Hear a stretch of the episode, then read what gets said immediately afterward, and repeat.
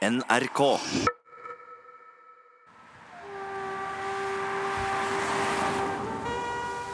Vi har kjørt sydover en to-tre timer fra Hamburg i full fart på en tysk motorvei. Men så har vi passert Bremen og Osnabrück og kjørt inn på småveier og forbi landsbyer og bondegårder. Nå er vi langt ute på landet, og rundt oss er det skog, grøfter, torvmyrer og en sandvei som knapt står på kartet.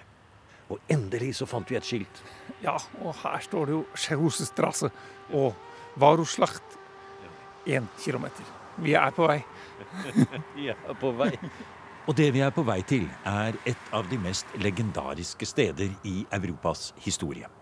Vi skal 2000 år tilbake i tid, til september år 9, da en stor romersk hær ble tilintetgjort i et bakholdsangrep et sted i skogene her i det nordvestlige Tyskland. Under ledelse av germanerhøvdingen Herman ble det veldige romerske imperiet for første gang slått tilbake. Og kanskje var det starten på en lang historisk utvikling som formet det moderne Europa. Med oss som guide til å forstå denne spennende tiden er historiker og forfatter Jon Ideng. Han er ekspert på antikkens historie og alt som har med Romerrikets vekst og fall å gjøre. Og nå står vi altså og ser på et veiskilt et sted i utkanten av Teutonerburgerskogen. Cheruskerstrasse, står det. Kjerusker. Kjeruskerne, ja. Ja, det var eh, det folket som da Herman var en leder for, eller Arminius, som jo romerne eh, kaller ham. Men eh, i den senere tyske tradisjonen så har han jo blitt til Herman. Det kan godt hende at han het Herman, eller kan hete at han het Arman, eller Armin, eller et eller annet i den stilen. Vi vet ikke helt hvor navnet kommer fra, men eh, Herman klinger godt for oss nordmenn å si, og lettere enn Arminius. Så jeg syns vi skal holde oss til Herman. Og han var sjerusker, altså? Han var sjerusker. Han hadde vært eh, en, fra en ledende slekt her i eh, dette samfunnet, dette, dette folket. Han var tatt eller hadde vært tjenestegjort i romerske legioner. Han kom fra en så god slekt at han hadde blitt oppdratt antagelig sammen med en adelsslekt i, i Roma hadde fått den beste utdanning og hadde lært seg latin. Og han hadde rykket oppover i hæren som, og som fått tittel av ridder i den romerske ekves, altså i den romerske sammenheng. Eh, så han hadde vært med å lede romerske hærer som underoffiser, så han kjente godt eh, romerne. Eh, men så hadde han da vendt tilbake som leder eh, og fått en lederposisjon i sitt eget eh, folk igjen, men var eh, i strid med andre i sjeruskere. Så, så, det var ikke fred innad hos sjeruskeren heller. Men, men, han fikk da med seg noen nabofolk også til en stor oppstand i, i år ni. We are standing here in front of the meadow. We just see green grass and it's flat. This is actually the area where we think that the battle took place. Then we look into the forest Dette er doktor Susanne Wilbers Rost. Hun leder de arkeologiske utgravningene og er også ansvarlig for utstillingen og museet ved Varus Schlacht Museum und Park i den lille landsbyen Karl Krise like nord for Osnabrück. And we thought in the last year that Germanic warriors had built this earthwork. This summer we found two more earthworks. Mest sannsynlig var det akkurat her germanerne angrep de romerske legionene, sier hun. Men legger fort til at det fortsatt er mange ubesvarte spørsmål. Stadig kommer det nye funn som gjør at man må tenke på nytt. Change perspective completely and now look from the Roman side and say, how would it change the scenario if we would uh, think about a Roman earthwork? At least we have now evidence here for two more connect, probably connecting pieces of earthen walls. Slaget kan ha vart i mer enn to dager. Det kan ha foregått som nålestikk mange steder langs den flere kilometer lange kolonnen av romerske soldater som beveget seg gjennom terrenget her. Men hvem forskanset seg hvor? Hvilken retning gikk slaget? Hvem gravde seg ned bak improviserte jordvoller i en natteleir på jordene her? Var det romerne eller var det germanerne som lå i bakhold? Uansett, Akkurat her, i Karl Krise, har vi så mange funn at vi er sikre på at i hvert fall deler av slaget må ha stått her, sier doktor Wilbers Rost. It is a really large area. We are here, uh, our park is, has something like 20 hectare, but we are talking about a whole area of 30 square kilometer where we have found evidence for the presence of Roman troops. Vi har funnet arkeologiske bevis for at romerne var i hele dette området, sier Susanne Wilbers Rost. Men nøyaktig hvor i Teutonerburgerskogen Varus-slaget har stått, var lenge helt uvisst.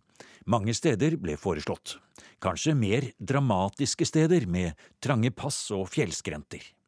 Men nettopp det vanskelige terrenget her, med trange stier og uframkommelige sumper, var akkurat det germanerne dro fordel av, sier Jon Ideng. Ja, her er vi jo langt inne i skauen. Eh, vi kan jo tro og innbille oss at uh, dette var her romerne også følte seg litt bortkomne uh, for alle disse årene siden. Uh, vi har jo Tacitus som beskriver Germania som et med sin heslige natur og sitt hårde klima. Og ikke minst så legger han jo også vekt på at det er preget av eh, ganske sånn fæle skoger og vederstyggelige sumper, sier han. Ja. Og disse sumpene Jeg tror jammen Tacitus hadde rett. Det er så mye torvmyrer. Det er myr etter myr etter myr, og små bekker osv. Så, videre. så sumper har det nok vært der. Ja, det har nok vært litt uframkommelig. Eh, og de har da hatt et par alternative veier som de har eh, blitt lokket inn på. Og lokket i bakhold av eh, Herman og hans germanere, som kjente området mye bedre enn romerne. We have a wonderful view here. On clear days you can really watch wide into the countryside and see how flat it gets mm. over there. So very typically North German. On our left side here we see the mountain. That is not very high. If you are in the Alps, people in South Germany they would they laugh about it. but here in this flat area, 170 meter is quite a kind of hill. Vi har gått opp trappene um, i et stort, rustent. Hvor vi kan se utover både Teutonerburgerskogen og den store grønne sletten der de arkeologiske undersøkelsene har vist at det var kastet opp improviserte jordvoller, kanskje brukt av romerne mens de ble angrepet. Og litt lenger borte er det bygd opp en litt større jordvoll med palisader som eksempel på germanske posisjoner. Og tårnet er så rustent, enkelt og postmoderne med vilje. Her skal det ikke være nice og praktbygg. Dette er ment å gjenspeile de rustne jerngjenstandene vi graver opp fra bakken, sier doktor Wilbers Rost. Her handler det om vitenskap, ikke propaganda, slik legenden om Herman så ofte har blitt brukt i tidligere tider i den tyske nasjonsbyggingen. Its purpose is not to be nice or to work yeah. well or know the architecture, the building as such is something that uh, has to signal to the visitor, well, it's it's here where something really important happened. I've rarely seen an example in history that was so misused in so many different contexts, starting with the Napoleonic War, or first starting with just the question uh, of identity who are we? If Arminius is one of our forefathers, what is it to be German? You know, all these kind of discussions starting in the 17th century. And that went on and on and on. And the, Over hele parkområdet og inne i museet finner vi stadig eksempler på hvordan den moderne tyske historie- og arkeologiforskningen er ekstremt nøye med å ikke bruke Varus-slaget i noen som helst politisk sammenheng. Isteden tar man avstand fra hvordan denne historiske hendelsen har blitt brukt tidligere. Og i et senere program skal vi her i museum reise videre sørover i Nordrhein-Westfalen for å se på Hermans denkmal, et gigantmonument fra slutten av 1800-tallet, i en annen del av Teutonerburgerskogen. Der ble Herman-legendene brukt i et rent nasjonalistisk prosjekt. Nær sagt helt motsatt av hvordan man formidler historien ved Carl Krise. Really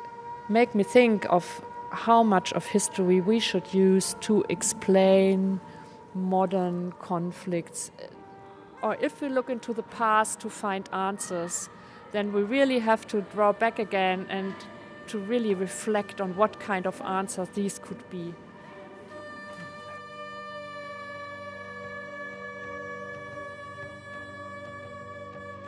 Vi bør tenke grundig over hva vi gjør dersom vi skal bruke historiske hendelser for å forstå dagens moderne konflikter, sier doktor Susanne Wilbers Rost. Og det er vanskelig nok å prøve å forstå hvordan slaget i Teutonerburgerskogen ble forstått og brukt i sin samtid. Hele den kjente verden ble rystet i sine grunnvoller for 2000 år siden, da Romerriket ble ydmyket og folkeslagene nord for Rhinen så nye muligheter. Kanskje fikk det også betydning for folkene som levde i nordisk jernalder i Skandinavia. Men én ting er å se historien nordfra. Noe annet er hvordan romerne så på de mer eller mindre ville og ukjente områdene i det som i dag er Tyskland. Vi spør historiker Jon Iddeng om hva romerne så i Germania. De ser jo et eh, land som ikke er erobra ennå.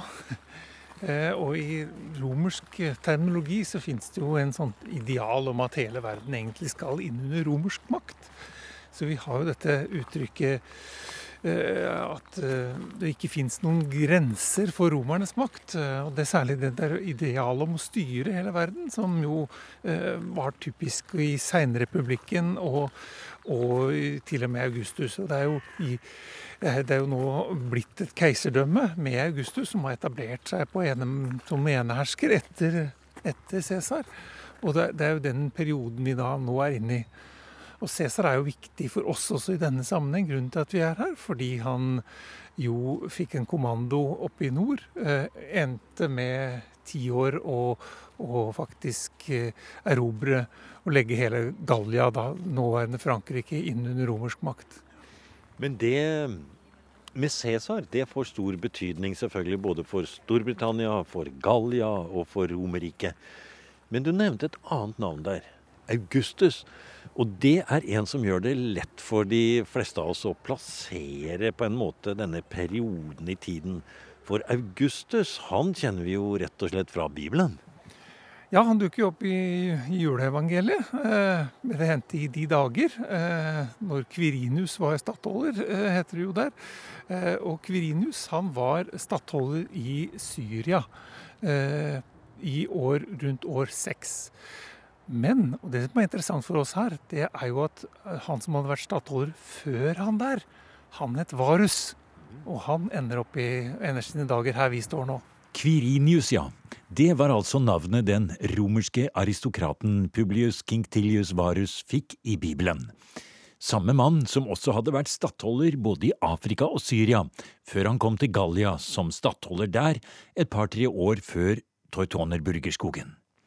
På det tidspunktet regnet romerne med at opprøret i Germania var slått ned. Nå var alt rolig der, trodde man, men erobret var det ikke. For det var ingen store byer og mektige høvdinger å erobre. Ingen kongedømmer som kunne gjøres til klientstater og styres på den måten. Men det bodde jo en del folk her? Det bodde mange mennesker her. Eh, og de produserte jo åpenbart både mat og andre ressurser som romerne tenkte det var, kunne være gunstig å underlegge seg. Eh, og Romerne hadde jo en idé om også at de, de, var jo mye flinkere til å styre. Hvis de bare kunne komme inn på toppen eh, og kontrollere og sørge for at de fikk inn skatter, ja, så var romerne fornøyd. Det var stort sett det de gikk på. Indre selvstyre. Og må bare gå inn på toppen og passe på at her er det ro og orden, og innkreve skatter. sånn at, eh, Så hadde de jo ingen idé om hvor eh, langt nord, og spesielt østover, eh, dette eurasiske kontinentet var. De trodde jo rett og slett at, at de skulle komme til Stillehavet bare forbi Ger til Germania og området til skyterne.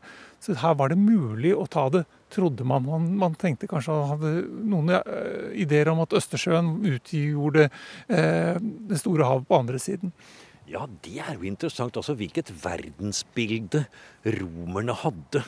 Eh, og du skal jo i dette programmet, Jon, være romerne, du. Du skal jo se det fra den romerske siden. ja, eh, Og når vi da tenker på det verdensbildet som vi nå er liksom litt inni og prøver å snuse litt på, eh, hadde de mye karter? Hva visste de egentlig om hvor de kom hen hvis, hvis de reiste nær sagt nord for Skagen? Nei, De hadde nok veldig lite opplysninger om det. Eh, vi har, vi har bevart eh, noen beskrivelser av, eh, av, verden. En sånn slags geografisk beskrivelse av hva som ligger der og hvor. Og, og, og Cæsar hadde f.eks. et ganske god oversikt over Britannia, eh, som han da skriver om. Og når han skulle eh, gjøre en, forsøke seg på en invasjon i Britannia. det nord for Danmark, da, for å si det sånn, det, det visste man det bare om som øyer.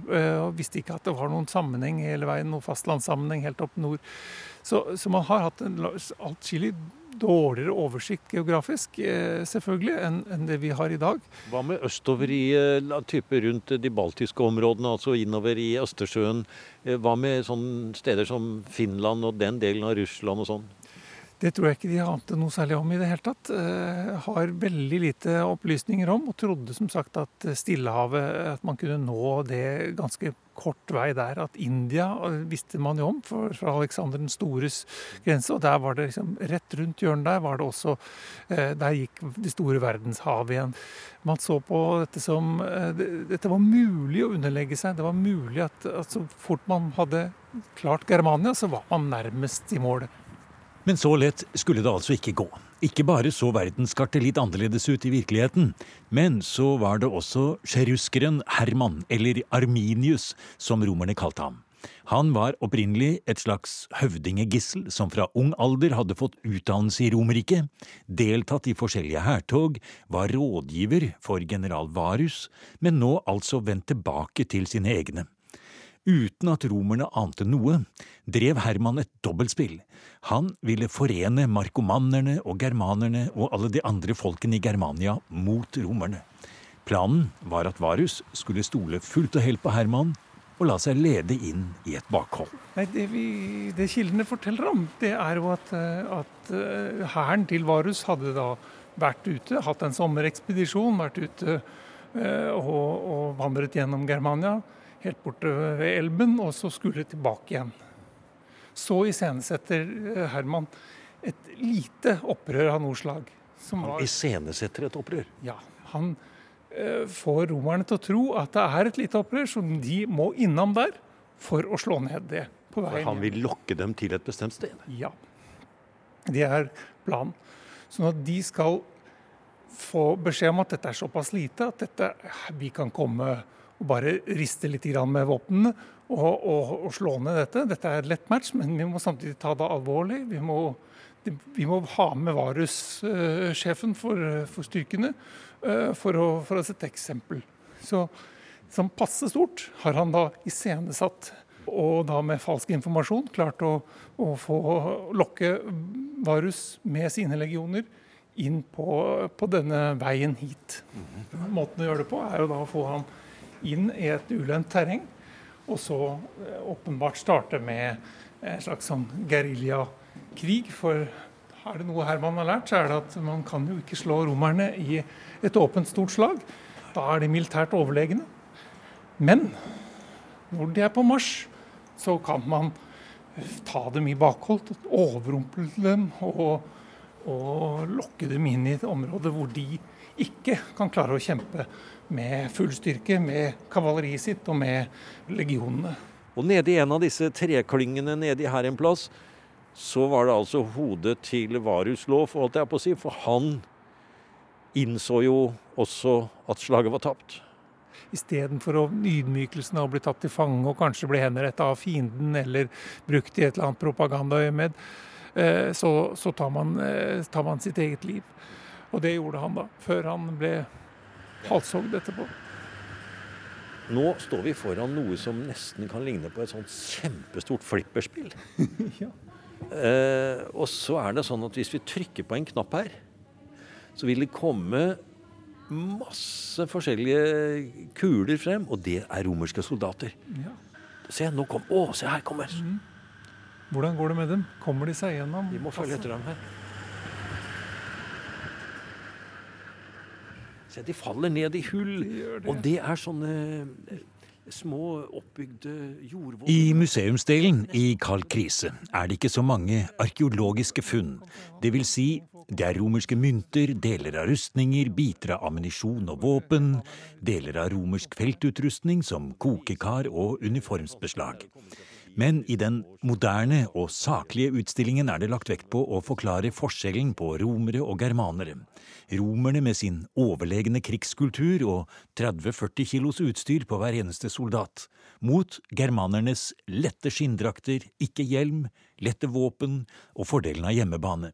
Det er fakta, kart og historien om romernes straffeekspedisjon etterpå. Men så er det ett funn som tar luven av alt annet.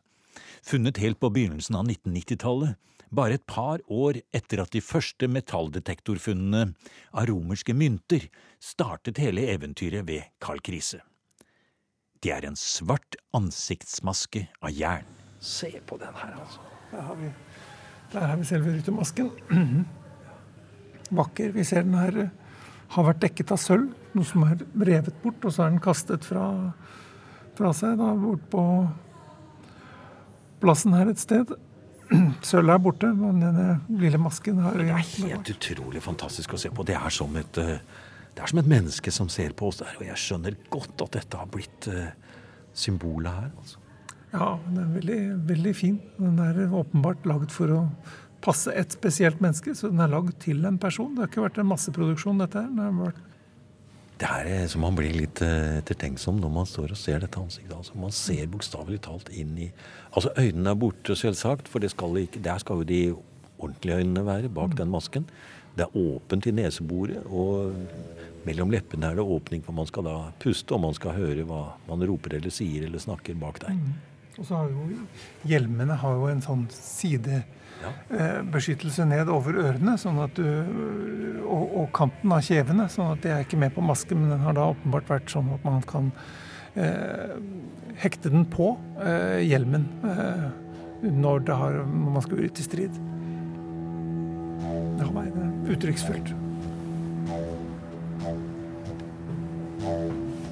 Hva står det her, da? Jo. Det er pavillon des Seens. Her skal vi se. Hva das står det. Ja, det kan du si. Nå går vi inn i Å, det er helt mørkt! Det er altså en stor kasse av rust, rustet stål. Og så kommer vi inn i et rom. Vi må føle oss langs veggene. Og så ser vi ut på en Nei, det var morsomt. Det er en, akkurat som en kule jordklode. Og den er opp ned. Og det vi ser utenfor, det er en speiling av Det er snudd på hodet. Det er Verden er snudd på hodet. Romerne tapte. Romerne tapte. Det må jo være det. Eh, dette er en ny verden, og nå er den snudd opp ned. Ja. Og nå er det en gravemaskin som står og graver på hodet der ute etter arkeologiske spor etter romerne. For en morsom ting. og nå vi går ut igjen, så skjønner vi plutselig bedre hvorfor det står så mye rart på veggen her ute i lyset. Hva betyr nå det, står det. Er det et spørsmål om perspektiv? Eh, et helt feil sted. Og hvis ja, for hvem? Ja. Ja, fra, ja. fra når står dette landskapet på hodet? Hmm. Det er et godt spørsmål. Det var oppfinnsomt. Mm. Det står her at denne paviljongen for, for, for øyet, eller for, for, for, synet, viser ikke et bilde av slakt, av, av, av slaget. Det viser altså et perspektiv. Det oppfordrer til refleksjon, jo. Mm.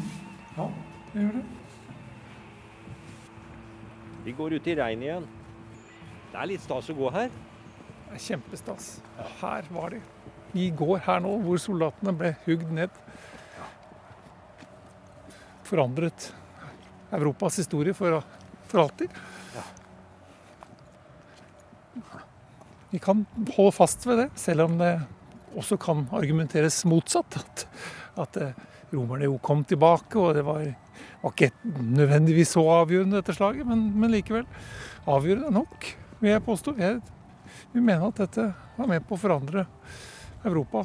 Og at det ble som det ble, kanskje. Kanskje det ble mer avgjørende i det lange løp og lenge etterpå enn det ble i sin samtid?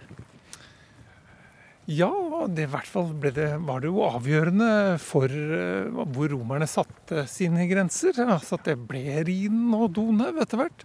Det kan hende at det hadde blitt det uansett. Det er ikke sikkert at det var, uh, at det var slaget som sådan var med på å avgjøre akkurat det. Men det er nå det, det, vendepunktet da vi har, hvor romerne definitivt endrer taktikk når det kommer til germanerne. Og tenker på dem videre som barbarer som, som var utenfor riket, eh, istedenfor å, å fortsette å skulle gjøre hele verden til romere og Romerriket. Så det er et vendepunkt, eh, det tør jeg påstå. Det, og det kan de altså datere her til september i år 9. Og det er ganske spesielt å stå på, på akkurat eh, det området da og tenke at her Dette er historisk grunn. Du har nå hørt en podkast av programmet Museum fra NRK P2. Og send gjerne en e-post til museum.krøllalfa.nrk.no. nrk.no.